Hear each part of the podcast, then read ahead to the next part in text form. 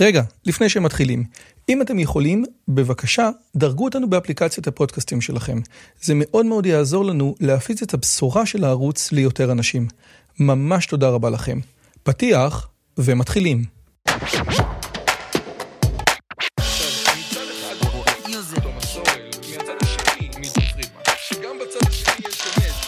הפודקאסט של דוקטור רועי יוזביץ'.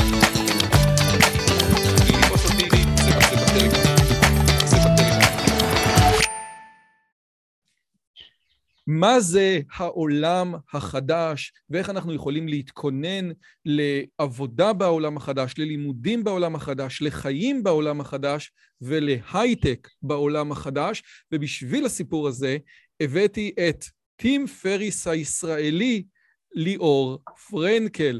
שלום וברכה לכולם, ברוכים הבאים לערוץ שלי. בערוץ הזה אני מדבר על השכלה, אינטליגנציה, פילוסופיה, וגם איך לגרום לכם להבין את העולם החדש טוב יותר, אפילו אם אתם מדור ה-Y בשיחת הסלון הבאה שלכם. והיום יש לי את הכבוד והעונג אה, להביא מישהו שאני רודף אחריו כבר הרבה זמן, כי הוא בן אדם מאוד מאוד עסוק, ליאור פרנקל. הוא CPO, שזה Chief Product משהו, CPO, הוא CPO ואתם אומרים לדעת מה זה, הוא CPO בחברת ג'ולט, שזה בעצם חברה שאמורה לייצר את, ה, את הלימודים החדשים של עולם ההייטק הישראלי ובכלל, ויש לו פודקאסט מקסים שנקרא פופקורן, והוא מדבר המון על העולם החדש, יש לו פטיש לחתולים, ואני מקווה שנפתור את זה בשיחה הזאת, ויש לו כל מיני ספרים שהוא כותב, הספר האחרון שלו הוא כתב ב-24 שעות או ב-48 שעות, בחור מגניב לאללה. ליאור, מה שלומך? קודם כל נבוך, שלומי נבוך. אה, תודה על, המילים החמות, נראה לי שסיימנו, לא? כן, זהו. כן.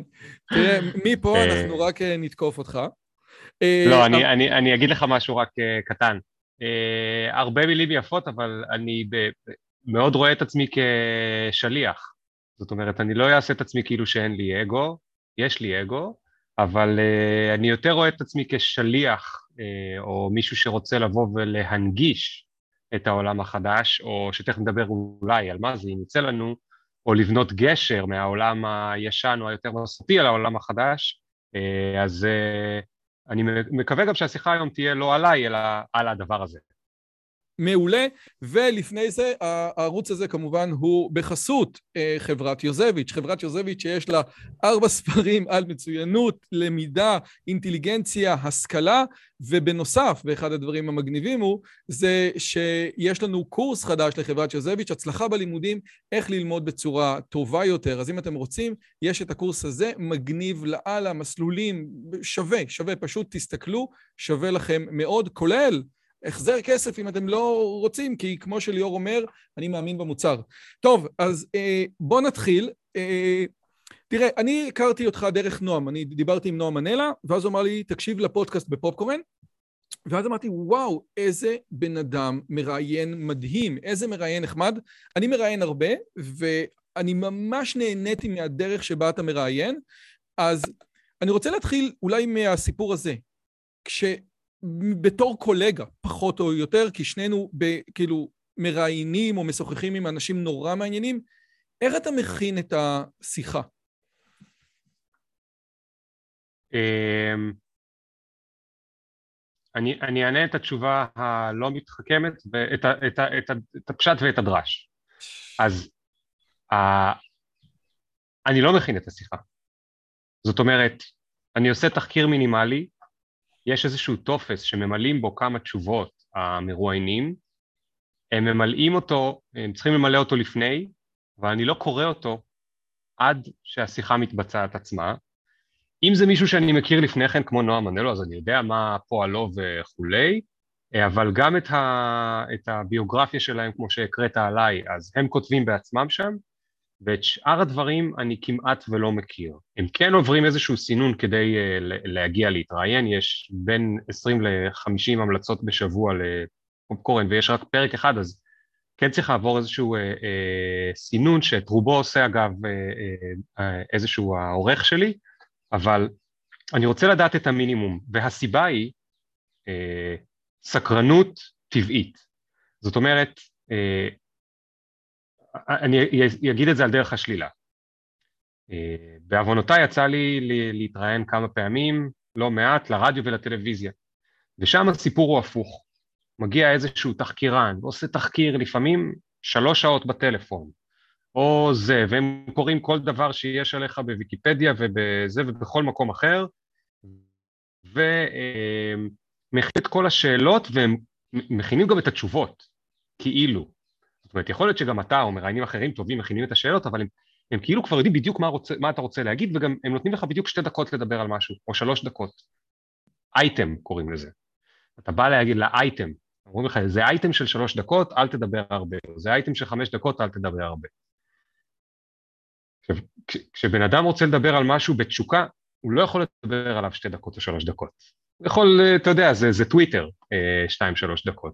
ומה שקורה בטלוויזיה או ברדיו זה שהם באים, הכל מוכן להם מראש, ואתה רואה להם בעיניים שבמקום להתעניין במה שאתה אומר, הם כבר קוראים את התקציר כדי להיזכר בזה שבא אחריך. הם רוצים לזכור מה יש באייטם הבא. אז הם עושים כאילו הם שאלו אותך, ורמת הסקרנות והעניין היא באמת אפס. אני לא אלכלך על כולם, כי כנראה שיש כאלה שהם טובים ורציניים, אבל אין מה לעשות, זה הפורמט.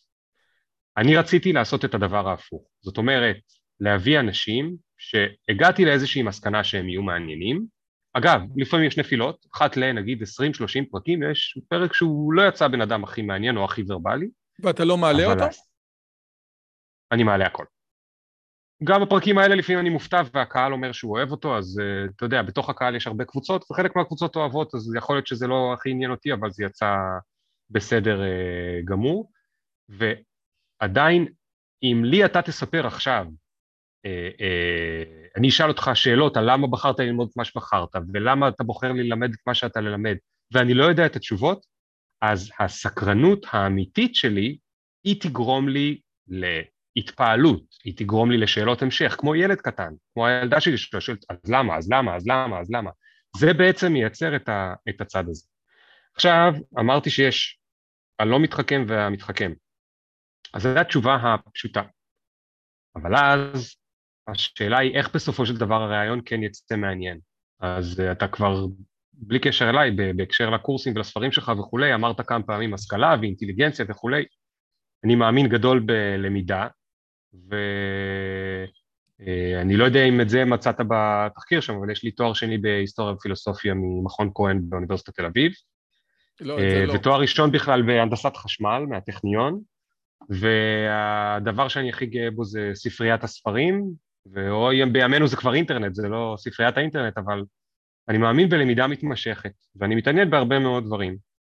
וזה בעצם ההכנה שמבלי לא ידעתי אי פעם שהיא תתבטא בפודקאסט, אבל זה כאילו ההכנה שעשיתי לפודקאסט. כי כל הידע שאתה הולך וצובר אותו ומתעניין וקורא ובשיא הצניעות של כמה אתה לא יודע, בסופו של דבר כשיש לך שיחה מעניינת בפודקאסט, אז גם יש לך מה להגיב ויש לך איך ליצור שיחה מעניינת, כי זה מזכיר לך איזשהו רפרנס, איזשהו מאמר, איזשהו אה, מחקר, איזשהו חוקר, איזשהו אה, אה, אה, נושא ידע. שאלו את הרב שרלו, כמה זמן לוקח לך להכין שיעור? אז הוא אמר חמש דקות ועוד עשרים שנה. שאני חושב שזה באמת איזשהו משהו כזה של, אתה יודע, שכל דבר שאתה לומד בסוף זה, או שכמו שג'וני קרסון, אני חושב, אמר, שאם אתה מספיק זמן בטלוויזיה, אז כל קישור שיש לך בסוף ייכנס לשם איכשהו, ואני חושב שאם אתה מספיק זמן בפודקאסט זה קורה. אני יכול להגיד לך שמהצד שלי, בגלל שלמשל אני מביא אנשים שכתבו ספר, ולפעמים אני גם רוצה, אתה יודע, שים את התיאוריה שלך על השולחן ובוא נראה איך אנחנו תוקפים אותה, אז אם אתה באמת רוצה לנהל דיון שהוא לפעמים גם, רק שנייה, יש פה עמדות שונות, כן? אתה מגיע מתוך עמדה מסוימת, אני מגיע מתוך עמדה אחרת, אז אני רואה שאני לא יכול, אתה יודע, להביא את השאלות הקשות באמת off the fly. אני כאילו כן צריך uh, לשבת ולהגיד, רק שנייה, אבל, אבל אתה מפספס פה משהו מאוד גדול, או... או... אבל uh, טוב. נכון. נכון. אז שם לפעמים זה עובד לי בספונטניות, ולפעמים לא. לפעמים אני אה, אה, חושב אה, יום אחרי הפרק על משהו, ואני אומר, אוי, איך לא שאלתי אותו את הדבר הזה? אז יש לזה מחיר גם לספונטניות, אה, אני, אני מקווה שזה יוצא בסדר. אז קודם כל, יש, אז, אז, אז יש כל כך הרבה דברים, אז בואו בוא באמת נתחיל מהעולם החדש, כי בסדרה על דור ה-Y, מי שראה אותה, YYY, אה, שזאת סדרה מאוד מאוד מאוד מעניינת. אגב, אה, תמר ועוז אלמוג, עוז אלמוג דיבר על הסדרה הזאת, והוא אמר משהו מאוד מעניין. הוא אמר, בסופו של דבר, הבחור, שכחתי את השם שלו, לקח את הספר דור ה-Y ובעצם פשוט פירק אותו ל- ל- ל- לפרקים השונים, והסדרה מחולקת, או באמת מתבססת על הספר של תמר ועוז. ועוז אלמוג שאלו אותו, מה אתה אומר על הסדרה? והוא נגע בנקודה סופר מעניינת. הוא אמר, הסדרה מאוד יפה ומאוד צבעונית, הכל יפה, אבל יש לה שני אספקטים, שאחד הוא, הוא אינדיפרנטי ואחד הוא רע. האינדיפרנטי זה שהבמאי מאוד, זה הכל סובב סביב הבמאי, שזה נורא דור ה-Y, כן? ש, שזה הכל דרך העיניים של הבמאי, אבל הדבר השני, והוא יותר מעניין, והוא גם קשור אליך, אחד הדברים המאפיינים של דור ה-Y זה שהם לא לוקחים אחריות. והסדרה הזאת, שיותר מכל דבר אחר, לפי עוז אלמוג, הוכיחה את זה. כי בסוף זה הממשלה, ובסוף זה הפנסיה התקציבית, ובסוף זה כאילו כולם, אבל אף אחד, זאת אומרת, העובדה שאני לא מצליח לחסוך לדירה, אבל נוסע שלוש פעמים בשנה לחו"ל, העובדה הזאת מתפספסת שמה, כי זה דור שלא מצליח לקחת אחריות, ואתה מדבר בעולם של האקדמיה, בתור אחד שמכיר קצת את הביוגרפיה שלך, היית סוג של עוף מוזר בתוך הפרק הזה. כאילו, אם הייתי צריך להגיד משהו שם לא שייך, כן. זה היה ליאור, נכון? אתה גם כן הרגשת את זה ש... כן. כן. תראה, אה, אה, אה, לא הרגשתי את זה כי לא צפיתי בזה, כי זה מביך אותי, אבל ברור שאני עוף מוזר. קודם כל, אני בן 43, ומילניאלס הם בני 30, ודור הזי הם בני 20. אני חושב שאני יותר מזה שאני עוף מוזר, אני פשוט יצור כלאיים. יש בתוכי את המילניאל, לא סתם לספר שלי קוראים אני רוצה הכל, כמו ילד קטן שרוצה הכל, או כמו מילניאל שרוצה הכל, וגם ליהנות בעבודה, וגם שהיא לא תשעמם אותו, וגם להחליף אותה, וגם שהכל יסתדר עם זה, ולהתלונן אם יש בעיות וכולי.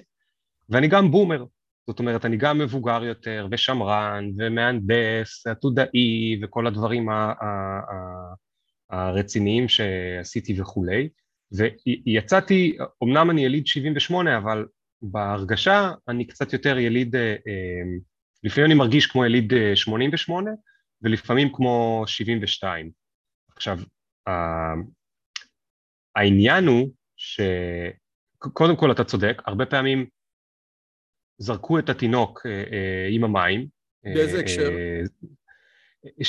המילניאלס, זאת אומרת, לבוא ולרצות להחליף עבודה כל שנה וחצי, זה, זה מדהים, זאת אומרת, אני מאחל לכל אחד, רמת העניין ורמת המוטיבציה ורמת האנדרנלין ורמת ה...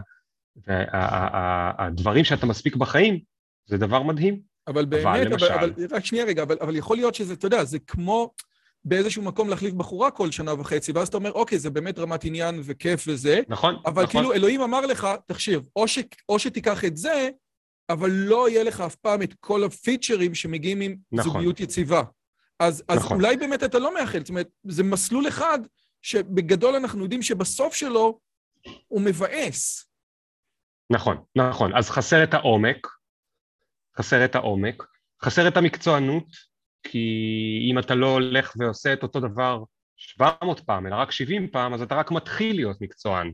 וזה לא משנה באיזה, באיזה תחום אתה עוסק, גם אם אתה מוסכניק וגם אם אתה מעצבת, וגם אם אתה משפטן, וכשאתה עושה את זה בפעם ה-70 אתה רק מתחיל לדגדג את ה fundamentals, והמילניאל כשהוא עושה את זה בפעם ה-70 אז הוא אומר נו, עשיתי את זה כבר 70 פעם, אתם כבר מעבירים אותי להיות מנכ"ל או מה?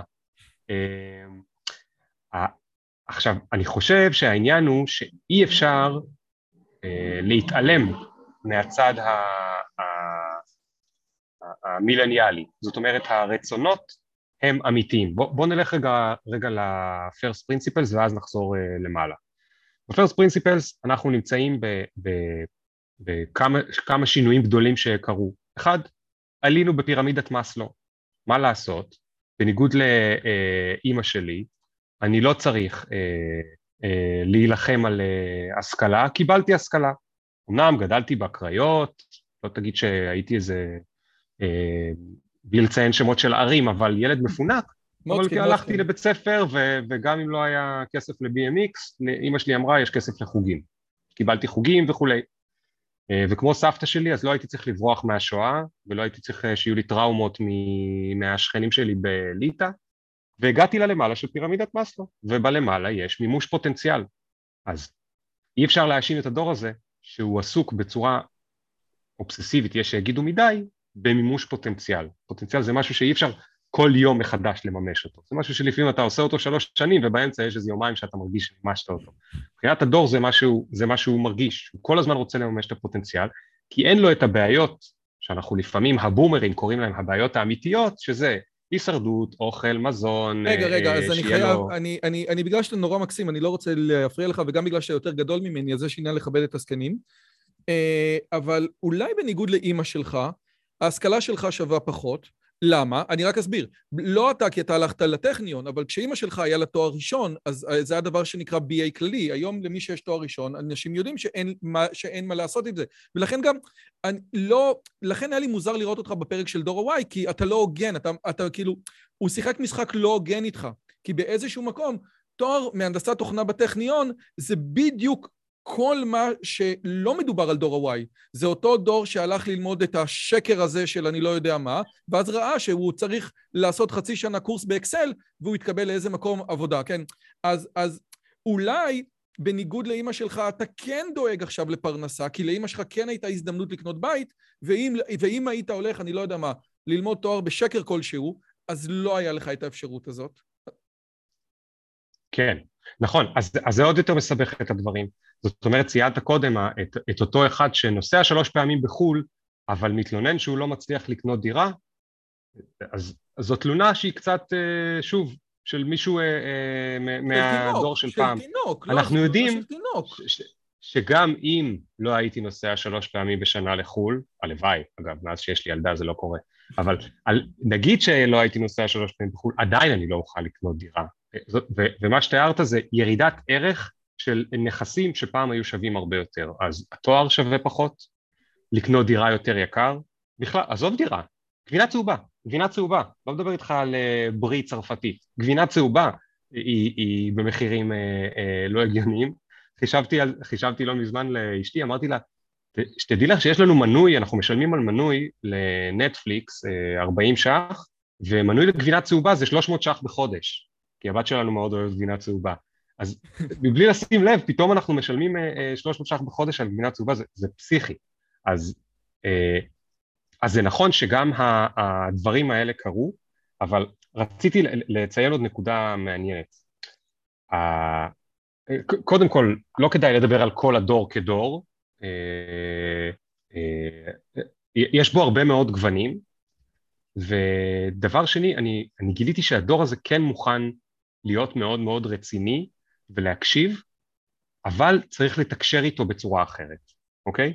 Uh, למשל, אם, אם uh, השיטה שאני נוקט בה זה uh, מקדימה אני נראה מאוד uh, קליל ו- ודור ה-Y או דור ה-Z וחמודי כזה ומדבר בשפה מאוד לא מליצית ומאוד נגישה וכולי, אבל ברגע שתפסתי אותך ואתה מוכן להקשיב לי, אני מתחיל לדבר איתך על דברים שהם דווקא מאוד שמרניים, על הצורך בלעשות משהו לאורך שנים, ועל הצורך בלתרגל משהו, ועל צנעה מזה שאתה לא יודע שום דבר עד שאתה לא לומד הרבה מאוד, וגם אז אתה עוד לא יודע.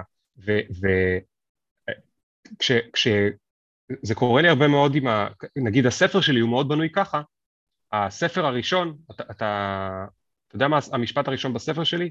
לא, אני לא זוכר. הוא, אתה צריך להפליץ יותר, סליחה על השפה, כן? זה משפט שאמרה לי מטפלת שלי, בזמן שעברתי איזשהו משבר, כשנפרדתי אגב, באותו זמן מהתואר שלי ומהטכניון והכל, וזרקתי את זה בשביל ללכת לעשות משהו שלא באמת קשור לזה. היא דיברה לי, עכשיו, למה אני משתמש במשפט כזה פרובוקטיבי וילדותי ומפגר?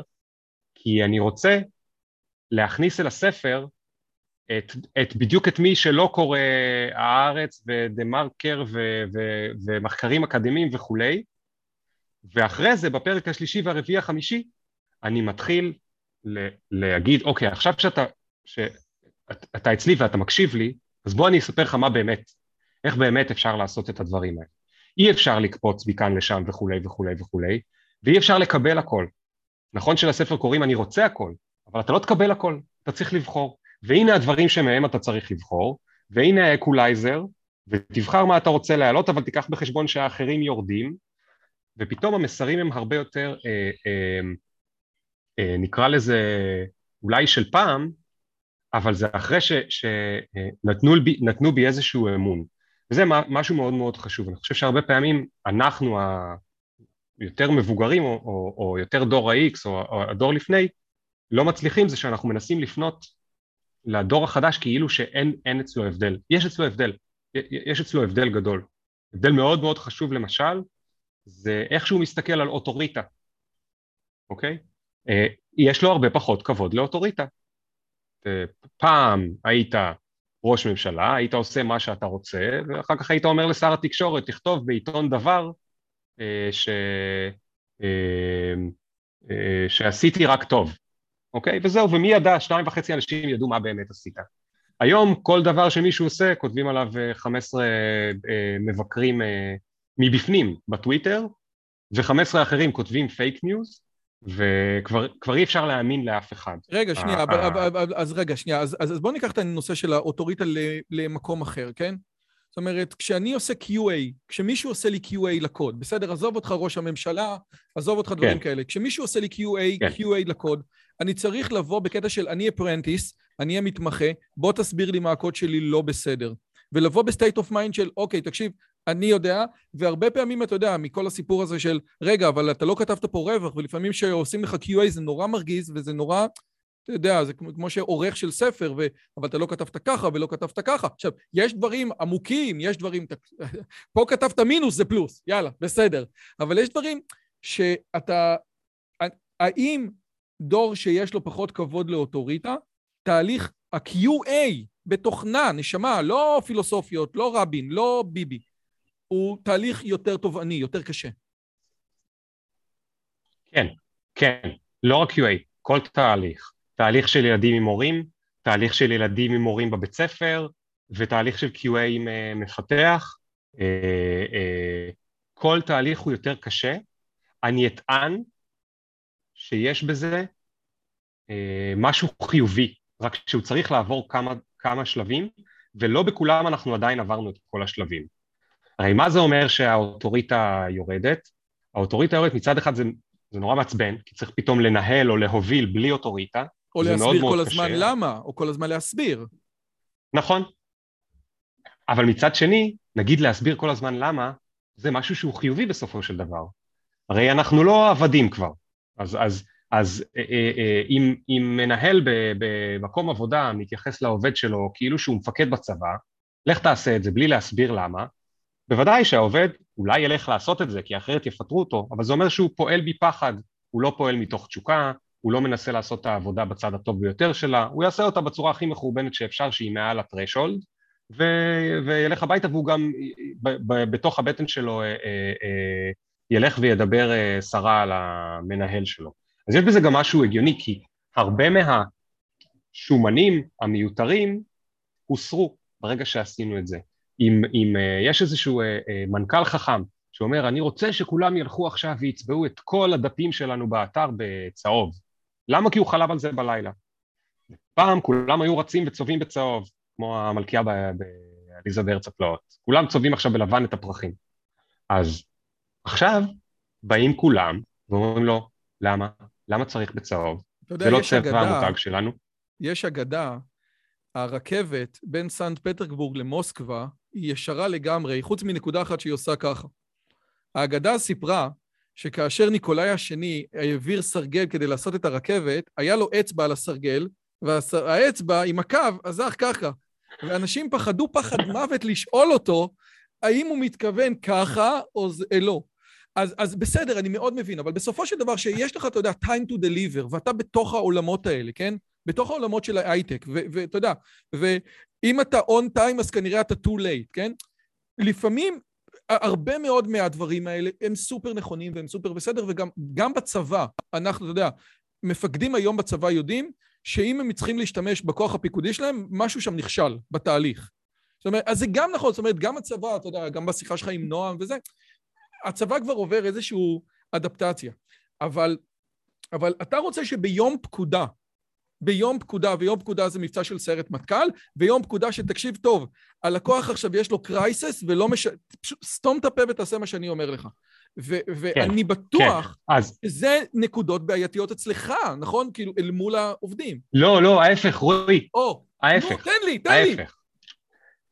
כדי שביום פקודה הם יגידו, הישר, אתה צריך בכל הימים שהם לא יום פקודה, להיות אליהם סבלני ולהסביר למה. כי ככה אתה בונה את האמון, אוקיי? אחרת מגיע יום פקודה, אתה נותן להם אה, הוראה והם פשוט נעלמים לך. ההוא הולך לצהריים, ההוא הולך לזה, ההוא בדיוק חולה, כי הוא הבין שאולי היום יצטרכו לעבוד עד 12 בלילה כי יש יום פקודה, כי מעלים גרסה או whatever, אם מדברים על הייטק או בכל crisis, משבר אחר שיש בחברה עסקית, להפך.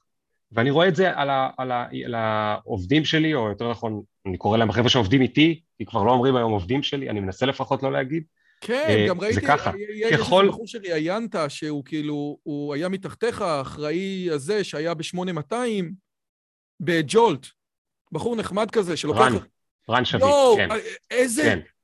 אם היינו, אם הייתי מושך מהשיחה הזאת את כל ההתחבטויות של רגע, אתה הבוס, אתה לא הבוס, הייתי מקצר אותה באיזה רבע שעה. כאילו, זה ממש עניין כזה של, רגע, אני, אני הייתי משהו אחרת- שאולי... אבל אחרת הם עוזבים. נכון? זה, זה כאילו... אבל היה- אחרת הם עוזבים. אתה מבין? זאת אומרת, זה, זה העניין. בגלל שהתעשייה היא פלואידית, ההזדמנויות הרבה יותר גדולות. תשמע, פעם לא היה לינקדאין. אתה זוכר שהיינו קטנים פעם והיינו מחפשים עבודה, מה היינו עושים? היינו, היינו צריכים שאיזה דוד שלנו יכיר מישהו. היינו צריכים לקרוא בעיתון, בלוח דרושים, לא היה לינקדאין, לא היה ג'ימייל, לא היה פייסבוק. זה לא היה פלואידי וזה לא היה קל כמו שזה היום. היו הרבה פחות הזדמנויות, תעשיית הידע לא הייתה מפותחת, לא היה את כל ה... את כל ה אה, אה, לא הייטק ולא אינטרנט ולא, ולא שום דבר. אז קודם כל, אתה רוצה ש... אם אתה, אתה, אתה יכול להתנהג איך שאתה רוצה, אבל אל תצפה שהם יעזבו אותך. דבר שני, שוב, אני מקבל תפוקה מדהימה מהחבר'ה שלי, אם אני כל, אני, אני דואג בזמן שגרה נקרא לזה, אתה קראת לזה נקודה, בזמן שגרה אני מכבד אותם ואני מסביר להם למה הם עושים דברים וכולי, אז בזמן חירום אתה לא מבין איך הם מתגייסים. הם אוקיי. כאילו רק חיכו סוף סוף בוא- להגיד, בוא או תראה. פעם אחת מבקשים ממני כמו פעם, כמו איזה אבא רשע, והם קופצים. אוקיי, תקשיב, הבעיה שלי בשיחה איתך זה שמעליך יש לי את השעון של המק, ואני רואה שהוא מתקדם, ויש לי עוד המון מה, אז אנחנו, ברשותך, עוברים הלאה, אוקיי? פשוט, זה נורא מרתק. עכשיו, בגדול, אני רציתי לדבר בין היתר על העולם החדש, הפודקאסט שלך נקרא פודקאסט של העולם החדש, אבל עכשיו דיברנו קצת על העולם החדש, וזה שהאנשים שנמצאים בעולם החדש, בגלל אלף ואחת סיבות, בגלל שהאנושות מתקדמת, בגלל שאנשים רוצים את דעת אלוהים, לא יודע שאיך שזה זה, אנשים רוצים היום משהו אחר. אבל האם אתה יכול לדבר איתי עכשיו על העולם החדש מהצד של המשרות שמשתנות? הרי יש פה שני דברים של העולם החדש, וסקרנו כאילו את ה... כן. כאילו חצי אחד. אז בוא רגע נעבור נכון, לחצי השני נכון. של העבודות. או, אז, אז יש מישהו שאני מאוד אוהב בשם אה, קארל שווב, הוא יו"ר פורום הכלכלה העולמי. אה, והוא כ- כותב ומדבר הרבה מאוד על מה שנקרא המהפכה התעשייתית הרביעית, אה, וזו המהפכה שאנחנו נמצאים בה כרגע, שאומרת שהטכנולוגיה אה, משנה את הכל סביבנו. אה, משנה את הכל ובמהירות, בקצב מהיר. אז אני אתן, את- אני אתן את זה רגע במילים מפורטות ואז אני אחזור רגע לפילוסופיה של זה. במילים המפורטות סביבנו משתנות דרכי התעבורה ודרכי הצריכה ודרכי העבודה ודרכי הלימוד, איך שאנחנו לומדים. אה, לאו דווקא שכל הדברים הקודמים נעלמים, לפעמים נשארים אבל נוספים, נוספות עוד דרכו- דרכים אלטרנטיביות. אז בלימודים, בעבודה וכולי, יש אנשים שעובדים היום מרחוק, יש אנשים שעובדים עם אה, בחברה שלהם בשוודיה, אנחנו עושים ראיון בזום, פעם היינו חייבים בשביל זה איזשהו אולפן, אתה היית צריך שניים וחצי שקל כדי לעשות תוכנית טלוויזיה. פעם תוכנית טלוויזיה היה צריכה אה, שני מיליון וחצי כדי ל- לעשות ראיון, את הרעיון הראשון מישהו היה צריך להשקיע שניים וחצי מיליון שקל. אתה היית צריך להשקיע 200 שקל כדי לעשות את הרעיון הראשון, והנה יש לך תוכנית טלוויזיה, אתה יכול לשדר אותה ביוטיוב. אתה, רועי יוזביץ', אתה שדרן טלוויזיה. פעם היית צריך שיבחרו בך. אה, אה, אה, יש לך הוצאת ספרים משלך. פעם היית צריך שיבחרו בך להוצאת ספרים, שמישהו יגיד שהוא מועיל להרשות לך להוציא יותר בידיעות מזה, אחרונות. אני או ב- מוכר ב- בשבוע, מה ש... אני, ספר אחד שלי יצא בידיעות ספרים, ואני תמיד אומר, אני מוכר בשבוע באתר שלי מה שידיעות ספרים לא מוכרים בשנה. זה, זה, זה, זה קטע מג'ורי. בדיוק. ה-added נכון, value, נכון. ה-added אז- value של ידיעות ספרים, זאת אומרת, או אני בדומיין הזה שנקרא אינטרנט, לא באמת הרבה פחות גדול מידיעות ספרים בכלל, ואולי אני אפילו יותר גדול מהם. כן. ו, ו, ואגב, זה לא קשור לתואר שעשית, וזה לא קשור להרבה דברים אחרים, זה קשור לזה שאתה פשוט החלטת שאתה רוצה לעשות את זה, ועבדת בזה. וזה פתאום כמו... זאת אומרת, ברגע שמבינים את הדבר שהרגע דיברנו עליו, זה קצת מפוצץ את המוח. כל אחד יכול, זאת אומרת, לא כל אחד, צריך להיות מוכשר. כן, אבל- אני כתבתי ספר על לא אינטליגנציה. מאוד קצת, מוכשר, אה, תסכל לא. מאוד מוכשר, צריך להיות קצת מוכשר ומעלה. זאת אומרת, אני מכיר הרבה אנשים אה, כמונו שהם רק קצת אה, אה, מוכשרים, אולי גם אני רק קצת מוכשר, אבל שפשוט הולכים ועושים, ועושים בצורה קונסיסטנטית, ותורמים, ונותנים, ובהתחלה אולי הרבה זמן בלי לקבל על זה שום דבר בחזרה, אבל נותנים לקהילה ומלמדים וכולי וכולי וכולי וכולי, פתאום יכולים להיות כמו חברת מידיה.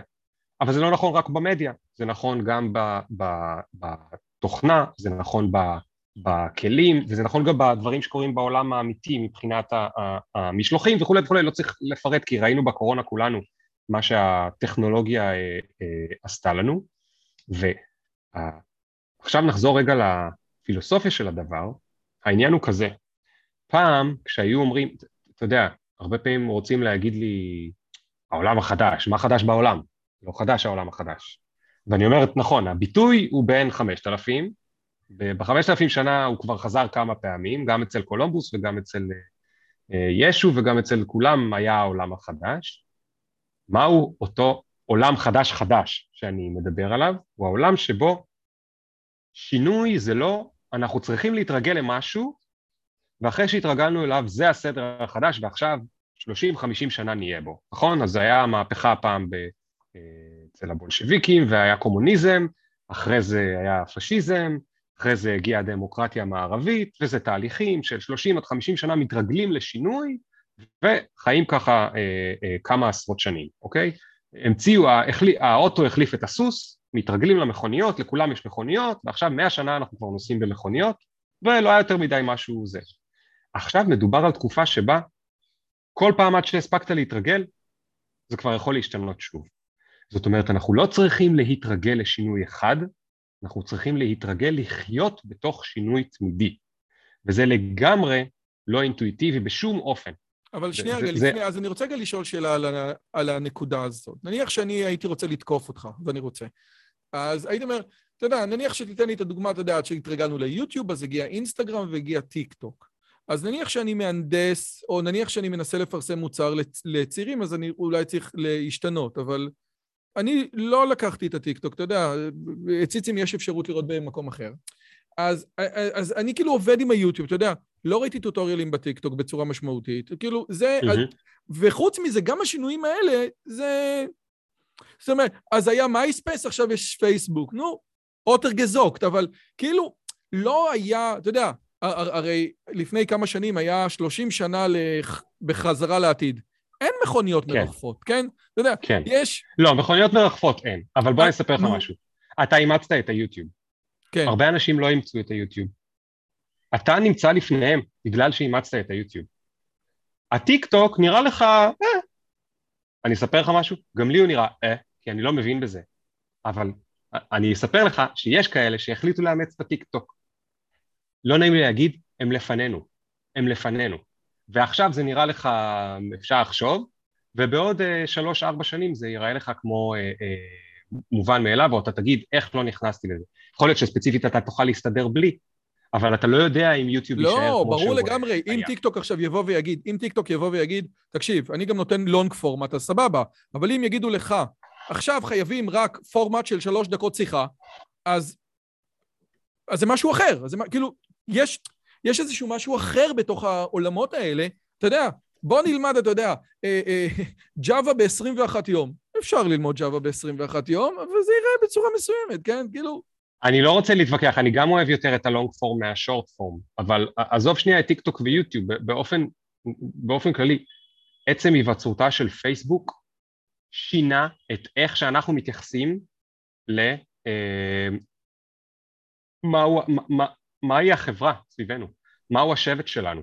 נכון, עדיין יש לנו משפחה ויש לנו חברים, זה העולם הקודם שהיה לנו והוא נשאר, כמו מאז כיתה ד', אבל פתאום נוצרו הרבה יותר קשרים שהם דיגיטליים והם אה, שטוחים יותר, אוקיי? בצורה הרבה יותר קלילה. תחשוב רגע עליי ועליך. אנחנו לא נפגשנו מעולם. הרי זה, זה בלתי נתפס, אנחנו לא נפגשנו מעולם, אנחנו מדברים כאילו אנחנו חברים 30 שנה. איך זה קרה? זה קרה בגלל ההשטחה שהפייסבוק ודומיו אה, עשו. השטחה של, לא יודע, השטחה זו מילה אולי לא יפה, אבל אני מתכוון, הפצה של רעיונות ושל uh, uh, תפיסות ושל mindset. זה, זה קרה בזכות האינטרנט ופייסבוק וחבריו. זה דברים שפעם, אתה יודע, תחשוב על uh, ספרי, uh, ספרים כמו הספרים שאתה מוציא. אני לא עשיתי מחקר, אבל אני מוכן להתערב שפעם היה יוצא אחד כזה בכל העולם, אחד כזה אולי בשבוע, אוקיי? היום יוצאים כנראה 50 חדשים כאלה כל יום, אוקיי? כן. ספרים של אה, עזרה עצמית או אינטליגנציה או, או העברת ידע וכולי וכולי וכולי. כי הרבה יותר אנשים רוצים הרבה יותר להתפתח. אני מדבר עם חבר'ה בני 28, חבר'ה בני 25, רמת המודעות העצמית שיש להם אני מקנא, אני מקנא שאני פספסתי וכל מיני דברים שאני למדתי בגיל, ואני כביכול בן אדם משכיל וכביכול בן אדם אינטליגנט, אבל המודעות העצמית שהגעתי אליה בגיל 35 ו-40, הם הגיעו אליה בגיל 25, למה? פשוט כי הם היו באינטרנט, ואם הם נדבקו לבן אדם הנכון, לרועי, או למישהו אחר שהם הלכו וקראו והקשיבו אה, לתפיסת עולם שלו, פתאום הם אינטליגנטים כאילו שהם בני 35 ו-40. עכשיו, לא בטוח שמבחינה יישומית אותו דבר, אבל מבחינה תפיסתית, ה mindset שלהם כבר אה, אה, השתנה. אז מה שאני רוצה להגיד זה שאנחנו אה, כל הזמן נצטרך להסתגל לשינויים, וגם אם זה לא מיום ליום, בסדר, זה עוד לא באקספוננציה, זה לא שכל יום אתה צריך להחליף את יוטיוב לטיק טוק ומחר אתה חייב להחליף לטיק טוק, אבל יכול להיות שזה פעם בחמש שנים, אוקיי? תחשוב רגע מה היה קודם, גם פעם בחמש שנים זה הרבה מאוד. רועי, אם אתה צריך עוד שלוש שנים לעבור פלטפורמה מיוטיוב למשהו אחר, הרי אתה בטוח לא מדמיין את עצמך מתחיל לרקוד ככה בטיקטוק, נכון? ויכול להיות שתצטרך לעבור איזושהי פלטפורמה כי לעולם יימאס מיוטיוב, או שהוא יעשה חרם על גוגל, או אלוהים יודע מה, קורים דברים, עכשיו פייסבוק מתחילה כבר לאבד userים. זה יהיה כאב ראש. זה יהיה כאב ראש שאתה צריך לעבור אותו, יהיה לך שם חיכוך. כשאתה עובר מ-OpenCV 4, כשיעברו מ-OpenCV 3 ל-OpenCV 4, ועברו מפייתון 2 לפייתון 3, אפילו בקטעים האלה זה, זה, וגם פייתון, אתה יודע, עכשיו רסברי פאי, כן? עכשיו יבוא רסברי פאי 5, כן? כן. ש... משנה לגמרי את התמונה, כן? בטח, אתה יודע, אני, אני הרי מלמד כן. את כל התחומים האלה של, של, של embedded ומיקרו-בקרים ותכנות ו data science, ואתה כן. יודע, עולם. כן. תשמע, אימא שלי, בת 70, צריכה ללמוד כשיוצא בוואטסאפ אה, אה, feature חדש. מה זה בשבילה? זה נורא קשה לה, זה נורא קשה לה. אבל היא צריכה ללמוד את זה, ואתה יודע מה היא מצליחה, היא, היא, היא שולחת לי גיפים ואימוג'יס בזה, ואני לא יודע איך היא יודעת לעשות את הדברים האלה, כי היא עושה קופי פייסט מכל מיני מקומות, לא נעים להגיד שאני לא יודע איך מורידים את זה, כנראה זה רק היא והבת שלי תדע. אגב, אבל... אם מישהו שאל אותי פעם, אה, האם בן אדם שמי, ש, שעושה פילטרים באינסטגרם הוא חכם, או אינטליגנט, כי כתבתי ספר על זה, אז אמרתי, תראו, זה נורא תלוי. אם הוא בן חמש, כנראה שהוא ילד רגיל לגמרי. אם הוא בן 75, הבן אדם גאון. גאון לגמרי. זאת אומרת, כי הוא הצליח בגיל 75 להשתלט על משהו שהיה כל כך מחוץ, ל, אה, מחוץ לעולם שלו, וזה באמת יכולת מדהימה. לגבי ההשטחה, שבאיזשהו מקום היא מדהימה, כי אני באמת זוכה לדבר עם החוקרים הטובים בעולם, אני פשוט עובר לספרייה שלי, בודק מי בחיים, ומתקשר אליו. שזה טירוף מוחלט. זה, זה מטורף, כאילו... זה מטורף. ואשכרה זה מגניב. אבל צריך להגיד, אני אשאל אותך שאלה, אל תענה לי בגלל שזו שאלה אישית, מכל השיחות שעשית, כמה נשארו חברים שלך. אתה מבין? זאת אומרת, מה, בפייסבוק? לא, חברים אמיתיים. אני כאילו מכל השיחות, עשיתי משהו כמו 170 שיחות, אני חושב שנשארו לי, אתה יודע, הרי אנחנו מדברים עכשיו, לא נפגשנו אף פעם, אנחנו מדברים כאילו אנחנו חברים טובים. ובסופו של דבר אני חשבתי על זה שמכל השיחות שלי, יש לי רק, כאילו, קיבלתי שני חברים חדשים. עכשיו עוד פעם, אני גם לא חיכיתי, אני גם לא אני, חיפשתי אבל, אותם. אבל זה תלוי, זה תלוי מה היה ה... ב... לא היה לי אג'נדה. אגב.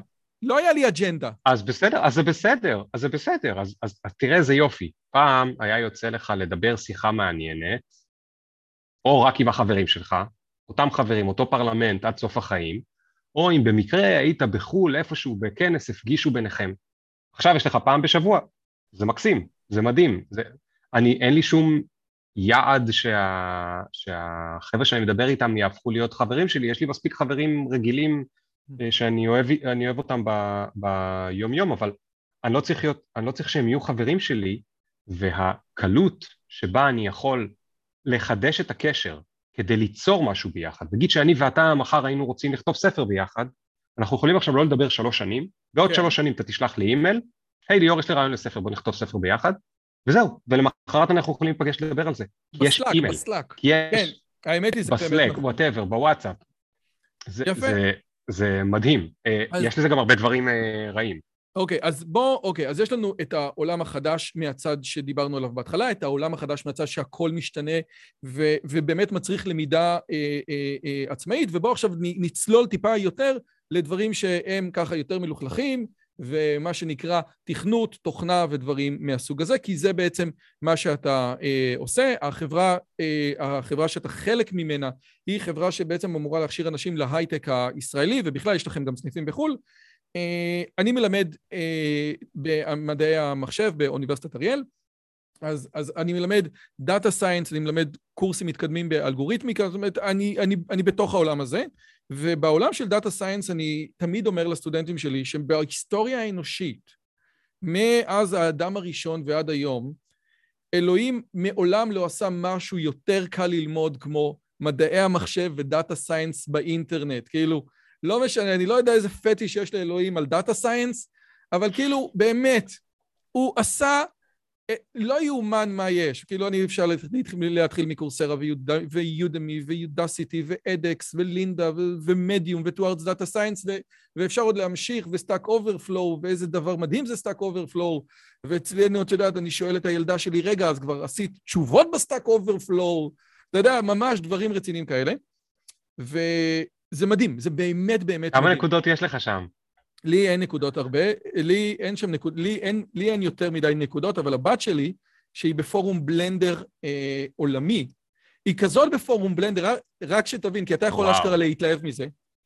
היא מדברת פעמיים בשבוע ביקר לי, ליאור, עם הבן אדם שאחראי להוציא את הגרסה הבאה של בלנדר, ואם אתה עכשיו מוריד בלנדר, וואו. ואתה הולך שם ל-new mesh, בארכיטקטורה יש שם דברים שהיא עיצבה.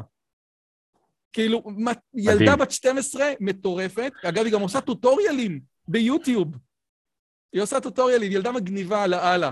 תקשיב, אין דברים בוא, כאלה. בוא, נניח את, בוא נניח את כלי הנשק, אנחנו מיותרים בעולם הזה.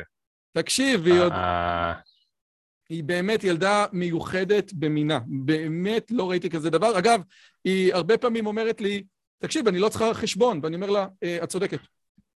את צודקת, את לא צריכה חשבון, באמת, את לא צריכה חשבון. הנה, אז אה, רק שתראה, כאילו, אני לא, אה, מה שנקרא, אני לא עובד עליך. תראה, היא אשכרה נמצאת ביוטיוב. סופגניה בתלת מימד, עושה אני סופגניות. מסתכל. ב- אמרנו, הרי הטוטוריאל הכי קלאסי, חברים וברוכים הבאים לעוד סרטון חדש בערוץ שלי. טוב, יאללה, מספיק. יופי. אז יש באמת את זה. עכשיו, השאלה היא כזאת, השאלה היא כזאת. האם באמת אתם רגע, קוראים... אצלי קולטים קצת פחות טוב עכשיו. אה, רגע, בסדר? אני קולט מעולה. אתה שומע אותי? אתה שומע? הלו? הלו? או, לא, אז אצלך לא ראיתי, הנה. רגע, אתה שומע? ליאור?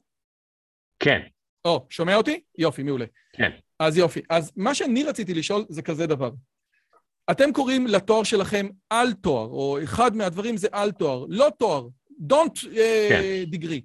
והשאלה היא, בתור כן. אחד שלמד הנדסת תוכנה בטכניון, והגיע, והיה צריך להגיע עד לטכניון כדי להיכשל פעם ראשונה בקורס, כי אני עובר, אני עובר על השיחות שלך. אז השאלה היא, האם העובדה שאנחנו עושים אינסטנט, ובסופו של דבר אה, תוכניות הכשרה, גם מסוג של Coursera, הם סוג של אינסטנט, לא אומר שאנחנו מפספסים משהו ויש מקום באמת אמיתי לבישול עם פתיליה, בהרבה מאוד מובנים. אני יכול לקחת את זה להרבה מקומות, אבל בתור אחד שכאילו היה בטכניון שלוש שנים, ומלמד במסלול, סליחה שאני אומר אינסטנט, אם זה מפריע לך אז תגיד לי, אבל אני חושב שיחסית לטכניון הוא, הוא, הוא, הוא כן אינסטנט. האם אתה לא חושב שאתה, שהתלמידים שאתה מוציא, או שהתוכניות ב Coursera מוציאים, יש להם חיסרון מובנה על פני המסלול הקשה של הטכניון? אוקיי, okay. אז קודם כל, בוא נגיד יש ספקטרום. אל תשים אותי עם קורסרה, כי זה אני כן אעלב. יש קורסרה, יש אותנו, ויש את הטכניון, אוקיי? ונגיד שיש איזשהו ספקטרום. בוודאות לומדים אצלנו פחות שעות, אז לומדים פחות דברים. מה, מה הטענה שלי תהיה? עכשיו, אני גם לא חושב שכל דבר אפשר ללמד בג'ולט, כי כל, למשל כל דבר שדורש מעבדות, אי אפשר ללמד ב Jolt, אין לנו מעבדות, לומדים את זה אה, אונליין מרחוק. אמנם live, המרצים עולים בשידור חי, אבל אה, אי אפשר ללמד אה, במעבדות, אז זה כבר מגביל אותנו להרבה מאוד אה, אה, דברים. להנדסת תוכנה למשל לא צריך מעבדות, אין לנו כרגע אה, קורס בהנדסת תוכנה, יהיה, ב, אה, יהיה איזשהו קורס תכנות מתישהו בקרוב, יש קורס data analyst, אה, ועכשיו אה, יש לי שתי תשובות. אחד, כמובן שזה פחות ידע שעובר. עכשיו אפשר להתווכח, האם צריך להעביר את כל הידע שמעבירים בתואר הראשון. ותשובתי היא, כן, אבל לא בצורה שמעבירים אותה, אוקיי? אני אתן לך דוגמה לפורמט מאוד פשוט להבנה, שלדעתי הוא הרבה יותר אפקטיבי אה, מבחינת השימושיות של הידע וההפנמה של הידע וכולי. קח את ארבע השנים, אני למדתי אגב, רק כדי לדייק, סתם בשביל אימא שלי, אם היא תראה את זה יום אחד, זה היה הנדסת חשמל וזה היה ארבע שנים. לא גם אני למדתי הנדסת חשמל, גם אני, גם אני. אוקיי, יפה. אמ, אבל זה לא מעניין. נגיד שתיקח את ארבע השנים האלה, מה שאני אטען שצריך לעשות זה שתיקח את הארבע שנים האלה, קודם כל תחלק אותם לארבע או לשמונה. עכשיו תיקח את השני חלקים הראשונים, תן אותם לבן אדם, תן לו להתחיל ללמוד. אחרי זמן מה, תן לו עוד חלק. אחרי זמן מה, תן לו עוד חלק. אחרי זמן מה, תן לו עוד חלק, וכולי וכולי וכולי, אוקיי? למה, למה אני אומר את זה? כי ה... אני, אני לא מכיר אף אחד, זאת אומרת, אולי אתה מכיר, אבל אני לא יצא לי להכיר את ההוא שיוצא מארבע שנים באוניברסיטה ואומר שהוא זכר מה הוא למד בארבע שנים האלה. אני בקושי מכיר את זה שאומר שהוא זכר מה הוא למד בסמסטר האחרון. למה? כי זה נורא קשה להכניס ארבע שנים לתוך אה, אה, מוח של בן אדם צעיר, ובוודאי שהוא עוד לא עובד. וכשאתה לא עובד זה אומר שאתה לא מיישם, ואם אתה לא מיישם אז זה קשה, זה ללמוד תיאוריה, זה כמו לנסות ללמוד בעל פה את לוח הכפל מבלי שאני אי פעם ילך למכולת או ינסה להכפיל איזשהו משהו, זה לשנן. אה, שונה לגמרי הדבר, זה נכון שאפשר לתרגל, אבל זה לא כן, אותו הדבר כמו שמישהו הולך... כן, שיעורי בית באלגוריתמים. כן, הם, בסדר, הם... זה שיעורי בית. זה לא כמו התוכנה שצריכה לעלות לאוויר באיזושהי חברה, ואתה עשית שיעורי בית והעלית את זה, ואז זה עלה, ואז יש באג, ואז אתה מתקן, ואז אתה שובר את הראש, מה לא עבד, ואתה נתקל במקרה קצה, ואתה זה ואתה זה, ואתה עובר איזשהו תהליך, ואחרי... אתה בעצם אומר שמי שמתכנת את Waze, הרצון שלו לקרוא את הפרק על גרף ממושקל בספר של קורמן, מגיע ממקום אחר לגמרי נכון, מהסטודנט נכון, הממוצע נכון, שנה ב'. נכון. זה נקרא, אתה יודע למה זה, מה זה מזכיר לי, אם אני רוצה להיות מאוד פשטני? את ההבדל בין uh, פרסום uh, פוש ופול. אתה מכיר את ה... בעולם הפרסום? לא. יש לך פרסום? אוקיי. אז ממש ב... ב... אני אסביר את זה ב... ב... ב... זה פשטנות לגוב... לגבי הלימודים, אבל ההסבר הוא, זה ההסבר. אתה מסתובב לך בפייסבוק, אתה רואה מודעות, אוקיי? אתה לא ביקשת לראות את המודעות. אתה לא מחפש עכשיו לקנות נעליים, ואתה לא מחפש לקנות עכשיו בית, ואתה לא מחפש עכשיו לקנות רכב, פייסבוק בא ודוחף לך מודעות. זה פוש. או אתה רואה טלוויזיה, זה פוש, אתה רואה טלוויזיה, באמצע התוכנית שאתה מאוד מתלהב, אלא פתאום דוחפים לך פרסומת, אתה לא ביקשת לראות פרסומת. מה זה פול? אתה הולך לגוגל ואתה מחפש מדרסים לנעל, לרגל עקומה. עכשיו אתה מקבל אתרים וגם מודעות, אבל גם מודעות הן רלוונטיות, זה חנויות למדרסים לרגל עקומה, אוקיי? באחד היה לך מה שנקרא אינטנט, הייתה לך כוונה, היה לך רצון, היה לך אינטרס, ובשני באו להפריע לך. באו להפריע לך כי ככה הפלטפורמה מת, מתקיימת, זה הכסף של לשלם לעובדים, גם בפייסבוק וגם בטלוויזיה. עכשיו, למה הדבר דומה? הבן אדם הולך לעשות תואר. הוא החליט שהוא רוצה לעשות את התואר. רוב הסטודנטים, ואני לא אשתכנע גם אם תנסה לשכנע אותי, ויכול להיות שבאוניברסיטת אריאל זה שונה, אבל רוב הסטודנטים, שנייה אחרי שהם החליטו ללמוד את התואר, הם לא כל כך מתעניינים בתואר. הם רוצים לסיים את התואר. הם רוצים שיהיה להם תואר. והם לאו דווקא כל כך מתעניינים בלימודים. שליאור, מי שרוצה להבין כמה שליאור צודק, רק צריך להסתכל על כיתה שבזמן ששיעור מתבטל, כיתה שמשלמת על הכסף, כיתה שמשלמת כסף, הרבה כסף, כדי ללמוד, ושיעור מצוינת. מתבטל, איזה שמחה, איזה ששון. יאללה, אני איתך, סע. דוגמה מצוינת. עכשיו, מה זה intent-based learning? הזכרת את Stack Overflow. אני עכשיו למדתי תואר, לא למדתי תואר, whatever, קיבלו אותי לעבוד בגוגל, אני, שמו אותי ב Waze. יש איזשהו מקום שתמיד רשום שם שיש פקק, למרות שאין שם פקק, וקיבלנו 190 אלף תלונות מהצרכנים.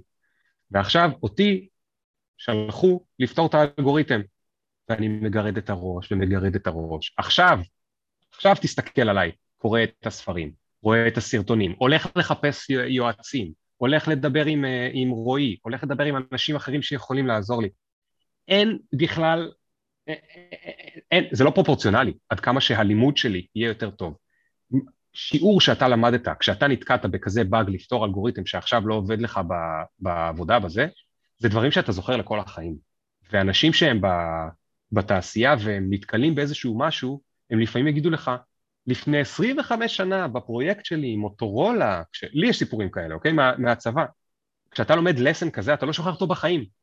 אין בכלל קשר בין זה לבין מה שאתה לומד באוניברסיטה. אז אני חוזר רגע לשאלה, האם הלימודים באוניברסיטה הם יותר נרחבים? בוודאי. האם יותר עמוקים? בוודאי. האם יותר אפקטיביים? אפשר לשאול. האם, האם זו הדרך האפקטיבית ביותר לעשות אותם? אני מאמין שבוודאות לא. אני חושב שזו הדרך הכי לא אפקטיבית. אה, היא נוחה, אם אני צריך להודות במשהו שלא נעים להודות, היא נוחה מסיבה אחת. אנשים צעירים שאומרים להם, אתה עכשיו הולך לעשות תואר שלוש-ארבע שנים, משיחות, יש לי הרבה מאוד שיחות מהקהילה של אנשי העולם החדש עם, עם חבר'ה צעירים, כשאני שואל אותם למה אתם הולכים ללמוד וכולי וכולי, אז לא נעים להגיד, אבל בסוף התשובה היחידה שאני אשתכנע בה זה, תן לי עוד שלוש-ארבע שנים לא להיות מבוגר. אוקיי? החבר'ה שלא צריכים לעבוד כדי לממן את הלימודים וההורים עזרו להם לממן את הלימודים, שזה רק חלק מאוד ספציפי, הוא אומר, תן לי עוד שלוש-ארבע שנים, להיות עוד ילד, אני לא רוצה להתחיל את החיים, אוקיי? כי אתה אומר להם, בוא תתחיל כבר לעבוד, הם אומרים, לא רוצה, תן לי עוד שלוש-ארבע שנים להסתובב בדשא, נתנו לי אישור להמשיך להיות עוד קצת ילד, אז תן לי. אבל ככל שזה נוגע להתאמה בין אפקטיביות הלימודים לעולם העבודה, ללהיות עובד טוב, אבל אתה גם אומר כזה דבר, אם, אבל אם אתה רוצה לחלק את התואר, אז אתה בעצם אומר, תקשיב, אני, נניח שפרץ לביא, כן, ש, או, או שהמל"ג, היו אומרים לך, טוב, ליאור, מה, מה בא לך לעשות? אז בעצם, ה, ה, ה, אם אני מבין נכון, הפתרון זה היה סוג של project based learn, כאילו זה איזושהי, איזושהי, נכון, הרבה לימודי המשך. כן, לימודי המשך שאני לא, לא, זה, זה, זה, כאילו, אין לך משהו לשים על השולחן של, אוקיי, סבבה, אז אני מתחיל פה, מסיים פה, אני זה, זה, זה כבר הופך להיות אה, יותר נכון. מורכב. נניח שאני רוצה לקחת את מה שאתה אומר, כן? אני אומר, נניח הייתי רוצה לקחת את זה, לשנות משהו במועצה להשכלה גבוהה. כן. אין לך דף עמדות, זאת אומרת, אתה בעצם אומר, תקשיב, זה לא אופטימלי, אבל זה כמו שנגיד שבית ספר זה לא אופטימלי, אתה יודע, אוקיי. לא, יש לי. יש, לי, יש לי הרבה דפי עמדות, יש לי הרבה אלטרנטיבות להציע. אחד זה שנחלק את זה לשמונה, או שנחלק את זה למה שנקרא micro-learning, בן אדם שלומד כל הזמן תוך כדי, כמו שעושים ב Stack, הרי בסוף כל המתכנתים שלי, מה הם עושים? כל יום הם ב Stack Overflow. כל יום, הם כל יום לומדים. מנהל המעבדה שלי אמר, מנהל המעבדה שלי אמר, אני כל כך אוהב את המשפט הזה, הוא אמר שהוא רוצה לעשות יום אחד מקלדת שאין בה Control C, Control V. הוא אומר, אנחנו נראה איזה, מה, מה מתכנת רגיל יכול לעשות אם אין לו Control C, Control V, ואני אומר לך, הוא כן. לא יוכל לעשות שום דבר.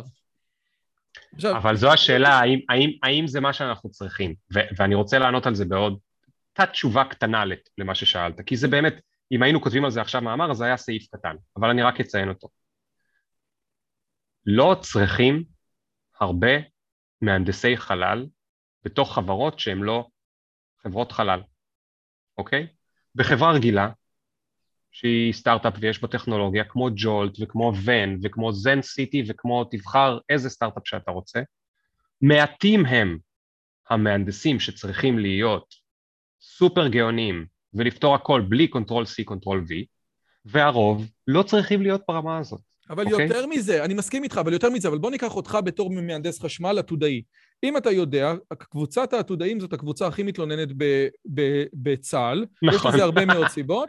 בין נכון היתר מאוד. כי הם מגיעים לצבא בגיל 22, ואז הש- ה junks שמאכילים את הילדים בני ה-18 פחות יותר. קשה להכיל אבל אותם. יותר מזה, מתוך הקבוצה הזאת, מהנדסי החשמל הם הכי הכי הכי מסכנים. והסיבה שמהנדסי החשמל הם הכי מסכנים, כי מי שהלך ללמוד מדעי המחשב או הנדסת תוכנה, מבחינתם זה תכנות, ויש המון פונקציות של תכנות, אבל הנדסת חשמל מבחינת צה"ל, זה איזשהו קולבויניק כזה, אולי דווקא במובן הטוב של המילה, שפשוט אני צריך מישהו עם ראש על הכתפיים שיכול להחזיק ויכול להיות קצין פרויקט או להיות קצין מדור, כל מיני דברים מהסוג הזה. עכשיו, יכול להיות שאתה מהעילויים של הטכניון הלכת ליחידות הטובות, אבל רוב האנשים שבהנדסת חשמל, אני סיימתי בתל אביב, כאילו שמו אותם באיזה תפקידים שהם, תקשיב, אני פשוט צריך פה מישהו עם ראש.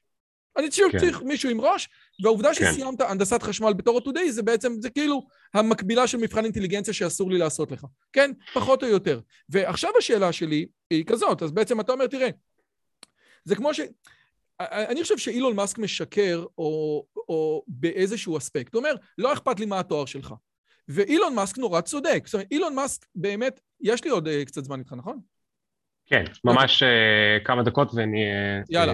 אילון מאסק בעצם אומר. לא אכפת לי מהתואר שלך, שלא יהיה לך שום תואר, אני מסתכל על הפרויקטים שלך, כן? אבל אתה יודע, אבל אם מישהו מגיע לאילון מאסק ועובר ראיון אצל אילון מאסק והוא בלי תואר, אז הוא כזה אנומליה שזה כבר לא רלוונטי. זאת אומרת, כדי... אילון מאסק גם מדבר על, תגיד לי, מה הפרויקט הכי גדול שעשית בחלל ואיך פתרת אותו? נו, באמת. זאת אומרת, כן, אז השאלה היא, בסופו של דבר, יכול... אני פעם חשבתי שהמשמעות האמיתית של דוקטורט זה להסביר לך שאתה לא צריך דוקטורט כדי ללמוד, כי הנה, כבר עשית דוקטורט, אז אתה יכול לעשות את זה שוב. ויש אנשים ש... ורוב האנשים צריכים... המשמעות האמיתית של דוקטורט זה כדי לאתגר אותך בתור בן אדם ולראות האם אתה יכול לעבור את זה, כמו איוב, אה, כן. ול- ולשרוד ולהמשיך לא להיות בן אדם ממורמר. נכון, מה שנקרא משחק אקדמיה, או אקדמית, כמו שקראו לזה בבר אילן. אבל רוב האנשים כאילו לא יכולים. זה נכון שאפשר לקרוא, לקנות את Introduction to Algorithm, ונכון שאפשר להסתכל על כל הדברים, אבל בסופו של דבר רוב האנשים לא יעשו את זה, ולפי דעתי אחת הבעיות עם אנשים כמוך, שהם נורא חכמים, נורא מבריקים, אתה לא תסכים איתי, אבל אתה יודע, לך אה, תחפש, ובעצם אתה בעצם מנסה לתאר או להביא איזושהי מתודה שהרבה מאוד אנשים שהם לא ברמה שלך, לא ברמה של הגריט, ולא ברמה של המצוינות, ולא ברמה של רגע, לא, אבל, לא- אבל ולא לא ברמה של הסקרנות. עדיין. אבל לא אמרנו את המתודה, המתודה שלי לא הייתה פעם בסמסטר תעשה קורס ביודמי. לא. לא, גם. כן, גם העניין הזה של לחלק, גם את העניין של ה-project based learning, גם את העניין הזה של אותו דבר, הרי, הרי ברור שאתה צודק. ברור שאתה צודק. אבל מי יכול להמשיך את זה? כאילו, כולנו אה. רגע. אז רגע, אז ר... לא. כולנו יכולים, אם תהיה לזה מערכת טובה. אוקיי? אז אתה יודע מה, זה, זה גם מקום מצוין אה, לסיים בו, כי זה עוטף את כל ה... זה שלנו. אני אזכיר לך את המילים הראשונות שלי שהיו פה בפודקאסט. תפליץ יותר. הדבר שהכי מעניין אותי באופן אה, לא, סליחה, זו הייתה מילה אחרת. המילים הראשונות מה? בספר. שלך. המילים הראשונות בספר. יפה, סליחה, יפה, סליחה. אתה זוכר. אמ, העניין הכי חשוב היה, הדבר שהכי חשוב לי הוא לבנות את הגשר, אוקיי? אני אומר, יש לנו עולם חדש, בעולם החדש הזה יודו הרבה אנשים בקול רם, או שהם יעשו לך, ילחשו לך בשקט, מערכת הלימודים כפי שהיא לא אפקטיבית. לא אפקטיבית. יש בה הרבה דברים טובים, אבל היא לא אפקטיבית לעולם, לעולם העבודה כפי שהוא. אתה לא חייב להסכים, אבל אני מאמין בזה, והרבה מאוד אנשים וצעירים שסיימו את הלימודים מאמינים בזה. הם יכולים להגיד, אין עדיין חלופה. אין חלופה הולמת, ואותו גשר הזה שאני מדבר עליו, ולכן גם זה אחת הסיבות שאני בג'ולט ופרויקטים אחרים שאני רוצה לעבוד עליהם, זה לבנות את הגשר הזה שבין מה שאנחנו כבר יודעים שצריך, אבל לבנות לו איזושהי מערכת. כי להגיד לבן אדם, תסתדר בעצמך, כמו איזשהו ניאו-ליברל, תסתדר בעצמך ותלמד בעצמך, זה, לבוא לתת לך את הטיפ הזה, אני, אני מסכים איתך, זה טיפ של חכמים גדולים. החוכמה היא, ש, וזה עכשיו פנייה ליזמים וליזמיות שבינינו, לבנות לאנשים מערכת שתחזיק אותם, גם בלי כוח רצון, וגם בלי שיש להם מוטיבציה פנימית, וגם בלי שהם גאוני הדור, וגם בלי שזה, ותאפשר להם, למשל, אלטרנטיבה שהיא אמיתית, ובה הם יוכלו להמשיך אה, אה, ללמוד, או זה נכון בכל דבר אחר. זאת אומרת, אם אין אוטוריטה, אז זה לא רק לבוא ולהגיד, טוב, המורה אין לו אוטוריטה, כי הילדים יכולים ללמוד הכל ביוטיוב, כמו הבת שלך. זה נכון, אבל בוא נשב ונחשוב ביחד, איך כן מייצרים מהמורה משהו שהוא אפקטיבי בבית ספר, כי אנחנו יודעים שזה כן טוב שילד יהיה לו מסגרת, וזה כן טוב שילד יהיה, אה, אה, ילמד חינוך ממישהו, וחינוך זה לא רק ללמוד את מה יש בחשבון, אלא זה החינוך, זה, זה, זה, זה איך להתנהג, איך להיות חברתי וכולי וכולי, יש בזה הרבה ערכים. אז איך אנחנו לוקחים את הדמות הזאת שיכולה להיות גם מחנכת, וגם עוזרים לתת לה להעביר ידע, כי היום מצליחה אולי לחנך, אולי לא, אבל להעביר ידע היא כבר לא כל כך מצליחה. הבת שלך לומדת הרבה יותר באינטרנט מאשר מהמורים שלה כנראה. אמ, וזה אותו גשר, זה הגשר שצריך לבנות, ויש עכשיו תקופת מעבר בין זה שהרבה מאוד דברים נשברו, וכולם יודעים שהמלך הוא עירום, אוקיי? דוגמה מאוד פשוטה, אתה יודע, יועצי השקעות בבנקים, יועצי השקעות בבנקים שהם בעצם sales people, נכון? וגילינו שהם sales people, ושכל אלגוריתם אה, מפגר באינטרנט מצליח לעשות השקעות יותר טובות מהם, בלי להעליב יועצי השקעות אם מקשיבים לי, ואולי אתם הגאונים, אבל הרוב לא. מי שיועץ השקעות גאון הוא לא יועץ השקעות. לא, באמת, נכון. זה כמו שנסים טלב אמר, נהגי משאיות שקוראים ספרים, לא קוראים ספרים שנכתבו לנהגי משאיות. בדיוק, בדיוק. אז, אז גילינו שמערכות שבורות, ועכשיו מתחילים לאט לאט לבנות מערכות אלטרנטיביות. ורק לבוא ולעשות ככה, סליחה על האצבע, ולהגיד זה לא עובד ואנחנו מילניאלס, זה לא עוזר.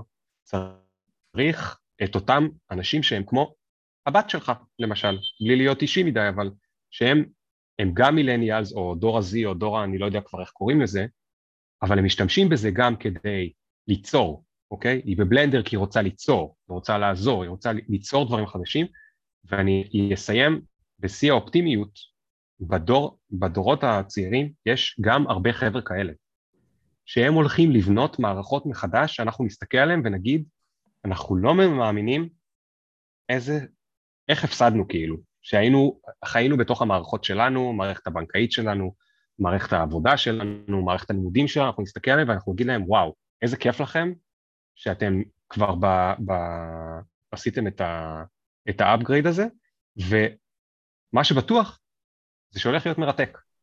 לגמרי.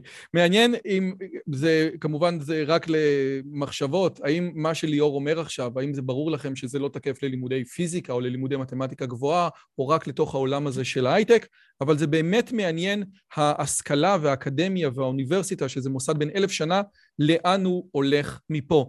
ליאור פרנקל, מייסד ואחד השותפים בחברת ג'ולט, ובעל הפודקאסט פופקורן, תודה רבה רבה על הזמן שלך, היה מגניב לאללה, ואולי באמת נעשה משהו בעתיד. מדהים. הרבה כיף, ותמשיכו להיות סקרנים. ביי ביי. ביי ביי. אם הגעתם עד לכאן, מגיע לכם כל הכבוד. אז תנו לי להגיד לכם שלושה דברים קצרים. הדבר הראשון, אם שמעתם משהו בשיחה שמעניין אתכם, שאתם רוצים לקחת הלאה, פשוט ספרו אותו לאנשים אחרים. משהו מעניין שאני אמרתי, משהו מעניין שהאורח שלי אמר, איזשהו רעיון שאתם רוצים לקחת איתכם לחיים, פשוט ספרו אותו לחבר או לחברה. זאת הדרך הטובה ביותר לזכור את הרעיונות מתוך השיחות האלה. הדבר השני, אם אתם רוצים לקחת חלק בקהילה שלנו ולפגוש ולדבר עם אנשים כמוכם, אתם מוזמנים לערוץ הטלגרם שלנו, שווה לכם מאוד. פשוט תראו עוד אנשים שמתעניינים מדברים מגניבים בדיוק כמוכם. והדבר האחרון, אם אתם יכולים, דרגו את הערוץ שלנו באפליקציית הפודקאסטים שלכם, זה יכול להיות בספוטיפיי, באפל פודקאסט או בגוגל פודקאסט, זה תהליך קצר של שתי שניות, הוא מאוד מאוד יעזור לנו להפיץ את הבשורה הלאה. שיהיה לכם כיף גדול וכיף בשיחה הבאה.